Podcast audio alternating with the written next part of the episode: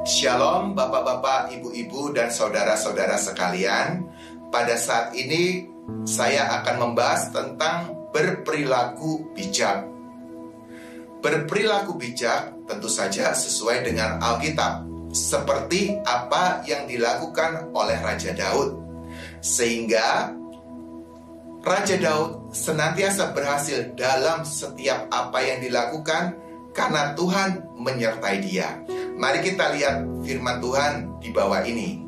1 Samuel 18 ayat 14 Daud berhasil di segala perjalanannya sebab Tuhan menyertai dia. Di dalam bahasa aslinya dikatakan bahwa Daud berperilaku bijak dalam setiap jalannya sehingga Tuhan menyertai dia.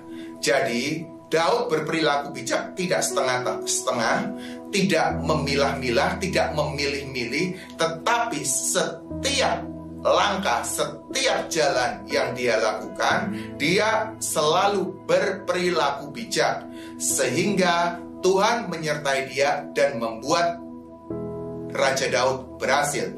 Ada tiga perilaku bijak yang dilakukan oleh Raja Daud yang tertulis di dalam Alkitab. Yang pertama adalah Raja Daud selalu mau terbuka di hadapan Tuhan. Seperti yang tertulis di dalam kitab Mazmur 32 ayat 5. Demikian firman Tuhan, dosaku kuberitahukan kepadamu dan kesalahanku tidaklah sembunyikan. Aku berkata, aku akan mengaku kepada Tuhan pelanggaran-pelanggaranku dan engkau mengampuni kesalahan karena dosaku. Raja Daud tidak pernah menyimpan dosa. Raja Daud tidak pernah menyimpan keinginan jahat. Artinya apa? Di dalam hidup kita, janganlah pernah kita menyembunyikan dosa kita di hadapan Tuhan. Janganlah kita menyembunyikan kesalahan kita di hadapan Tuhan, tetapi biarlah kita menjadi pribadi yang murni, yang kudus, yang suci di hadapan Tuhan. Demikian juga di dalam hati kita janganlah kita menyimpan kesalahan dan pelanggaran orang lain, tetapi biarlah hati kita senantiasa murni dan tulus di hadapan Tuhan. Demikian juga di dalam hati kita janganlah kita menyimpan motivasi-motivasi yang tidak benar terhadap Tuhan maupun orang lain sehingga ibadah kita biarlah karena murni dan tulus karena mengasihi Tuhan, bukan mengharapkan sesuatu daripada Tuhan ataupun manusia. Demikian juga apa yang kita kerjakan, biarlah semuanya untuk Tuhan dan untuk manusia tanpa ada motivasi-motivasi tertentu. Yang kedua, Raja Daud mengasihi Tuhan lebih daripada dirinya sendiri. Hal ini nampak di dalam kitab 2 Samuel 7 ayat 2. Berkatalah raja kepada Nabi Nathan, "Lihatlah aku ini diam dalam rumah dari kayu aras, padahal tabut Allah diam di bawah tenda." Raja Daud merasa tidak tenang, gelisah. Kenapa aku ini tinggal di dalam istana yang megah?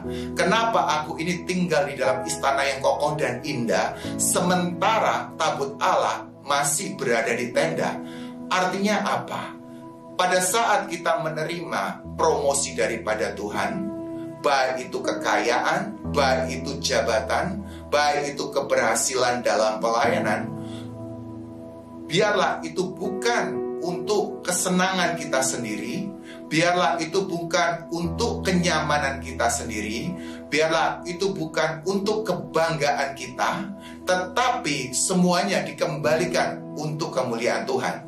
Sehingga kita akan selalu bertanya dan berkata kepada Tuhan, Tuhan, apa yang Engkau kehendaki dari promosimu ini? Apa yang Engkau kehendaki dari berkat berlimpah yang Kau berikan kepadaku?